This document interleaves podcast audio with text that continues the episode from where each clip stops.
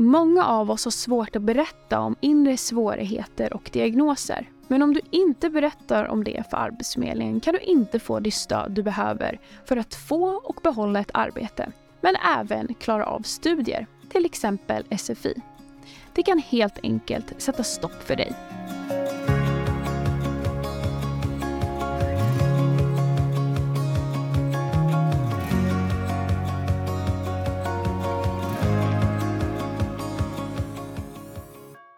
Välkomna till Ny i Sverige-podden. En podd där vi förklarar, tipsar och ger goda råd om att söka jobb och att jobba i Sverige.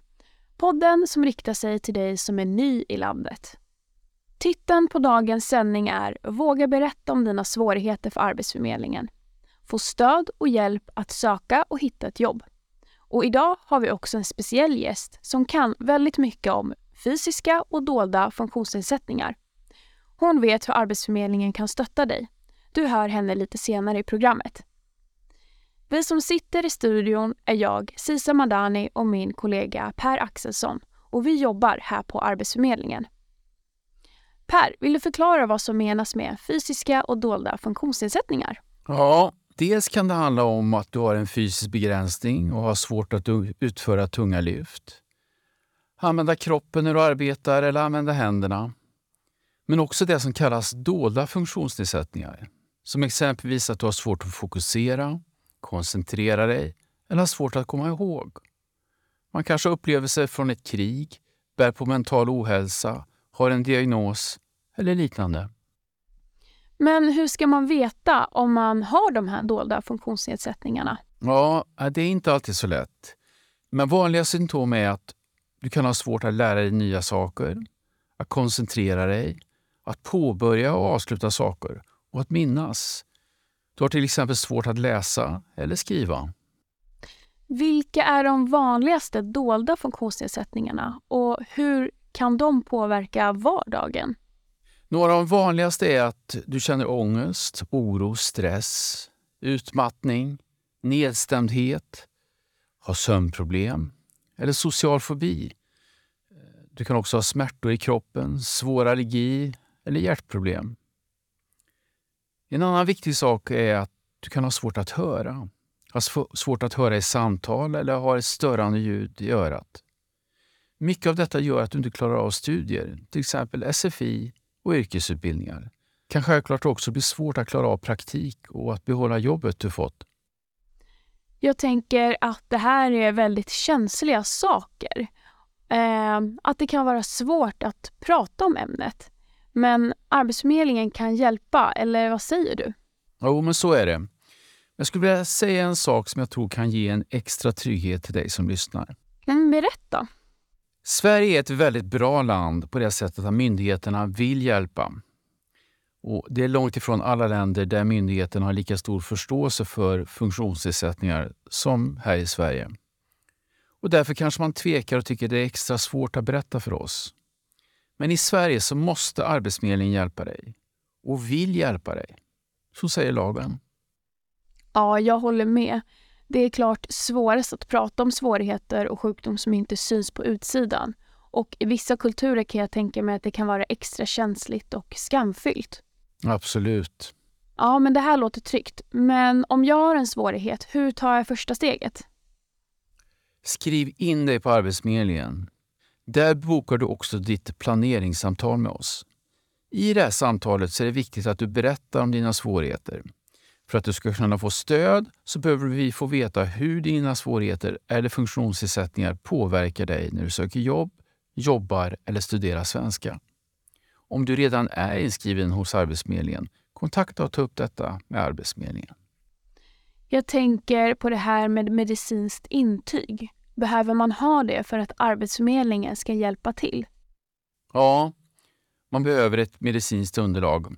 Läkarintyg, en utredning av en psykolog, arbetsterapeut. Det måste finnas ett intyg. Men om jag inte har ett intyg, vad gör jag då? Då kan Arbetsförmedlingen hjälpa med att skaffa ett intyg. Självklart med ditt godkännande. Vad säger man till de som inte vågar berätta? Mm. Jag skulle verkligen vilja trycka på just hur viktigt det är att just berätta. Annars kan vi inte hjälpa dig. Okej, men då berättar jag. Vad händer sen? Du får gå på ett fördjupat samtal med Arbetsförmedlingen och beskriva mer om dina svårigheter. På detta möte får du också veta hur ni går vidare. Det är också bra att känna till att Arbetsförmedlingen har sekretess. Det innebär att bara de personer som jobbar direkt med ärendet har tillgång till uppgifterna. Och självklart kan ingen utomstående ta del av dina uppgifter. Och sen kan Arbetsförmedlingen ta fram stöd till dig. Och det här gäller också, precis som du sa, att om du studerar så kan du få anpassning. Men vi ska lyssna på vår gäst, psykologen Angela Fernholm, om hur man kan få stöd.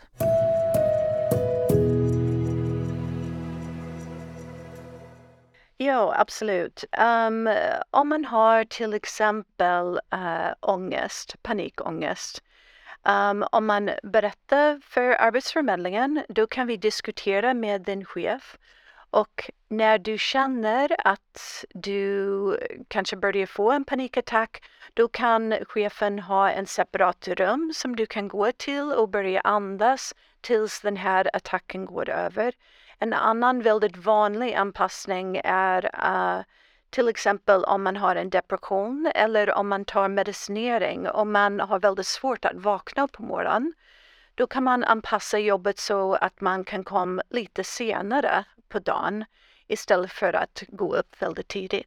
Hur kan arbetsgivare få stöd av Arbetsförmedlingen? Jo, först och främst uh, arbetsgivare får någonting som heter lönebidrag och det är uh, ett visst mängd pengar som hjälper um, arbetsgivare att kunna göra så att du inte jobbar fullt ut. Säg att du jobbar 50% men du är på platsen 100% och om du behöver anpassning, till exempel att ta mer raster och pauser, då får arbetsgivare den här pengen som en ersättning.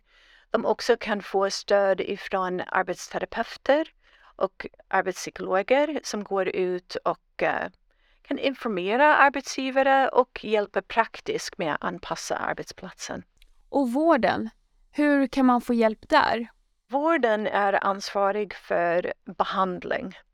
Så det är vården som står för medicinering och en, någon typ av uh, psykoterapi och behandling för de här olika diagnoser.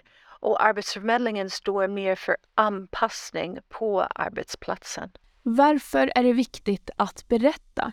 Att visa sin svaghet är väldigt svårt. Och uh, speciellt för en myndighet, för personer som man inte litar på. Men i Sverige är det, är det lite annorlunda. Att det som samhället verkligen ger en enorm stöd till dem som har en funktionsnedsättning.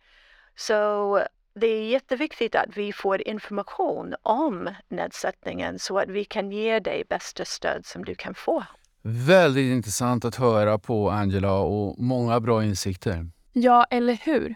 Men du Per, det är dags att runda av här. Har du något sista du vill skicka med våra lyssnare? Som Angela sa, våga berätta. Du har mycket att vinna på det. Ja, men precis. Våga berätta. Och jag hoppas att ni som lyssnar också har fått en eh, mer förståelse om varför det är så viktigt. Och det var allt vi hade för idag.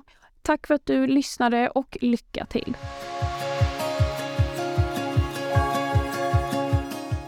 Du har lyssnat på Arbetsförmedlingens podcast Ny i Sverige.